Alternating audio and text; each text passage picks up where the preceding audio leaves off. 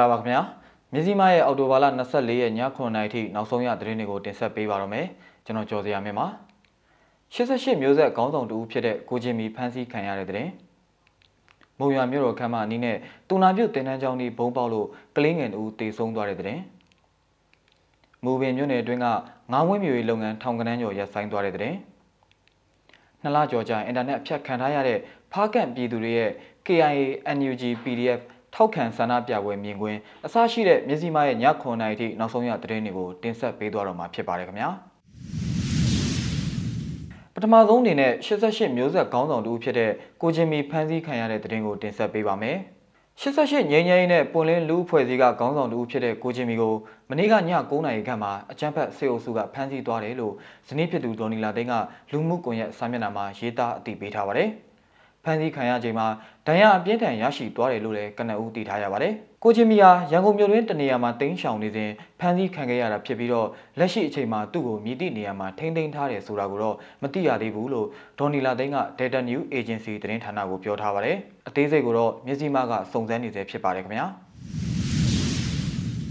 မုံရွာမြို့တော်ခမ်းမအနီးနဲ့တူနာပြုတင်တန်းကျောင်းနီးမှာ ဘုံတွေပေါက်ကွဲခဲ့လို့ကလေးငယ်2ဦးတေဆုံးခဲ့တဲ့တဲ့တင်ကိုတင်ဆက်ပေးကြပါမယ်။စကိုင်းတိုင်းဒေသကြီးမုံရွာမြို့မြို့တော်ခမ်းမအနီးနဲ့တူနာပြုတင်တန်းကျောင်းတို့မှာဒီကနေ့အောက်တိုဘာလ24ရက်မနက်ပိုင်းကဘုံပေါက်ကွဲခဲ့ပြီးကလေးငယ်2ဦးတေဆုံးခဲ့တယ်လို့မုံရွာဒေသခံတွေကပြောပါတယ်။မုံရွာမြို့ဒေါနာချန်ရက်ကွက်ပြည်တော်စုလမ်းပေါ်မှာတည်ရှိတဲ့တူနာပြုတင်တန်းကျောင်းဘုံပေါက်ကွဲမှုကြောင့်ကျောင်းကြီးနေထိုင်ရာငားတဲ့ဆောင်ရဲ့ကျောင်းဆောင်နေရတချို့ပြိုကျပျက်စီးခဲ့ပြီးအဲ့ဒီနေရာနီးလမ်းပေါ်ရှိနေတဲ့ကလေးငယ်တို့တေဆုံးသွားခဲ့တယ်လို့ဒေသခံတွေကပြောပါတယ်။ ပောက်ကွဲမှုကြောင့်တူနာပြုတ်တင်တန်းကျောင်းအဆောက်အုံအနီးလမ်းဘေးမှာရှိတဲ့73နှစ်အရွယ်အမျိုးသားနဲ့9နှစ်အရွယ်အမျိုးသမီးငယ်တူအဲ့ဒီနေရာမှာပဲတေဆုံးသွားခဲ့တယ်လို့3နှစ်အရွယ်ကလေးငယ်တူဒဏ်ရာရသွားခဲ့တယ်လို့ဒေသခံတွေထံကသိရပါဗျ။ပောက်ကွဲမှုမှာတေဆုံးသွားတဲ့ကလေးငယ်2ဦးဟာမြည်သူမြည်ဝါဖြစ်တယ်ဆိုတာကိုတော့မြစည်းမကတီးခြားအတည်ပြုချက်ရယူနေသေးဖြစ်ပြီးမုံရွာမြို့တော်ခမ်းမအနီးပောက်ကွဲမှုဖြစ်စဉ်မှာတော့တေဆုံးသူမရှိခဲ့ဘူးလို့သိရပါတယ်။ မြို့တော်ခမ်းမပောက်ကွဲမှုတွေနဲ့ပတ်သက်ပြီးတော့လည်းအနီးမှာရှိတဲ့ခရစ်ယာန်ဝင်းတွင်းမှာ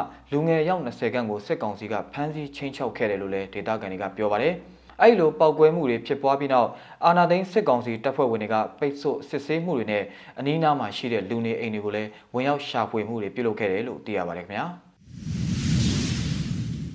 မူပင်မြို့နယ်အတွင်းကငါးမွေးမြူရေးလုပ်ငန်းထောင်ကနန်းကရပ်ဆိုင်းသွားတဲ့တဲ့တင်ကိုဆက်ပြီးတင်ဆက်ပေးကြပါမယ်။ ARV တိုင်းဒေသကြီးမူပင်မြို့နယ်မှာရှိတဲ့ငါးမွေးမြူရေးလုပ်ငန်းတစ်ထောင်နီးပါးလုပ်ငန်းရပ်ဆိုင်းသွားတယ်လို့လုပ်ငန်းလုပ်ကိုင်သူတွေကပြောပါတယ်။အစာဈေးဆက်စီဈေးအကုန်တက်တယ်။ငါးရောင်းမှုကြတော့ပြည်တွင်းပြည်ပဈေးကွက်ပြက်ငါးဈေးကျတယ်။ကန်ငါးကတော့မပေးနိုင်တော့လို့တချို့ကန်ပစ်ပြီးထွက်ပြေးတယ်လို့တချို့လည်းရက်လိုက်ရတယ်လို့ငါးမွေးမြူရေးလုပ်ကိုင်သူဦးမျိုးဝင်းကပြောပါတယ်။ စစ်တပ်ကအာဏာသိမ်းပြီးနောက်ကုန်စည်ပို့ဆောင်ရေးအပိုင်းခက်ခဲလာခဲ့ရာပြည်တွင်းပြည်ပငါးစုခွက်ပြတ်သွားတဲ့အတွက်အရှုံးပေါ်လာခဲ့ပြီးရှစ်လအကြာမှာလုပ်ငန်းအများပြားရပ်ဆိုင်းသွားခဲ့တာဖြစ်ပါတယ်။လုပ်ငန်းရှစ်ဆက်လုပ်ကင်မှုအတွက်ဗန်မငွေထုတ်ရမှာလည်းခက်ခဲမှုတွေရှိနေတယ်လို့သိရပါတယ်။မူပင်မြို့နယ်မှာငါးမွေးမြူတဲ့ကန်ရီက2000ကျော်ရှိပြီးစေရီကရှိတဲ့ငါးကန်တကန်မှာကန်လုံသား2ဦးသာထားရှိရတယ်လို့ ARV တိုင်းငါးလုပ်ငန်းဦးစီးဌာနရဲ့မှတ်တမ်းတွေရသိရပါတယ်။ ငါးမွေးမြူရေးလုပ်ငန်းရှင်တွေကလုပ်ငန်းတွေရပ်ဆိုင်းသွားခဲ့တဲ့အတွက်ငါးကန်လုပ်သားအချို့လည်းအလုပ်လက်မဲ့ဖြစ်ပွားမှုတွေလည်းရှိနေပါတယ်။ AR တိုင်းအတွင်းမှာမြို့နယ်26မြို့နယ်ရှိပြီးမြို့နယ်အများစုမှာငမြင့်ချင်းငကောင်းဘွငမုတ်ငချင်းနဲ့ငဒန်တို့ကိုမွေးမြူထုတ်လုပ်နေကြတာဖြစ်ပါတယ်။မြေအောင်ဆက်သွယ်ရေးကြိုးလာပြုတ်ပြင်းတဲ့စစ်ကောင်စီတပ်ဖွဲ့ဝင်တွေကိုဒေသကာကွယ်ရေးပူးပေါင်းအဖွဲ့ကမိုင်းဆွဲတိုက်ခိုက်ခဲ့တဲ့တဲ့ရင်ကိုဆက်လက်တင်ဆက်ပေးကြပါမယ်။မွန်ပြည်နယ်ရေးမြို့နယ်မြောက်ပိုင်း လိန်မော်ချန်ကျေးရွာနဲ့ဖျားကုန်းကျေးရွာကြားမှာရှိတဲ့စစ်ကောင်စီရဲ့မြေရောက်ဆက်သွယ်ရေးဂျိုးလို့ယူဆရတဲ့တကြိုးလိုင်းကိုလာရောက်ပြုပြင်တဲ့စစ်ကောင်စီတပ်ဖွဲ့ဝင်တွေကိုဒေသခံကာကွယ်ရေးပူးပေါင်းအဖွဲ့ကတိုက်ခိုက်ခဲ့ပါတယ်။ညာကလေးကဆက်သွယ်ရေးကြိုးဖြတ်မိုင်းထောင်ပြီးစောင့်နေတာ။သူတို့ရောက်တော့ခါတိုင်းလိုပဲကြိုးလာဆက်တာ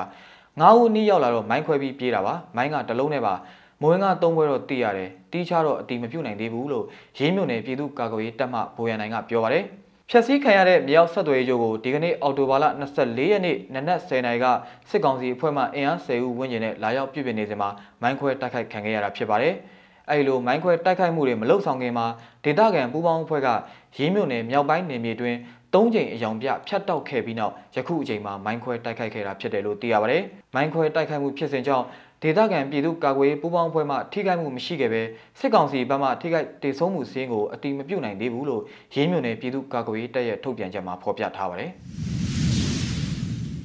အင်တာနက်ဖြတ်တောက်ခံထားရတာနှစ်လကျော်ကြာပြီဖြစ်တဲ့ဖားကန့်မြို့မှာအော်တိုဘာလ24ရက်နေ့ကဆေးရနာရှင်စန့်ကျင်ရေးခြိတက်တပိတ်မောက်ဆန္ဒပြမှုကိုဆက်လက်လှုပ်ဆောင်ခဲ့ပါတယ်။ရုပ်တံဖိုင်ကိုကြည့်လိုက်ရအောင်ပါ။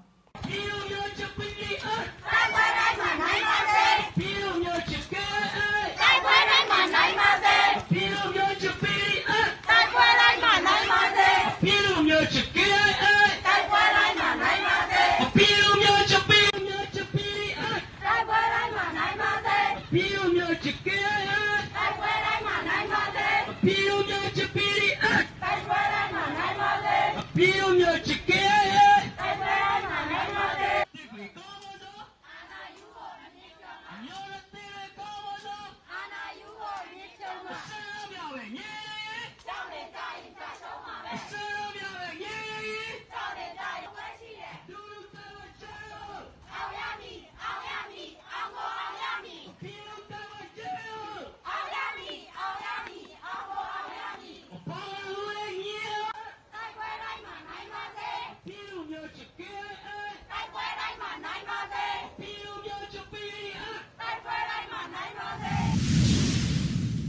မြစီမားရဲ့အော်တိုဘာလ24ရက်ည9:00အထိနောက်ဆုံးရသတင်းတွေကိုတင်ဆက်ပေးကြတာပါ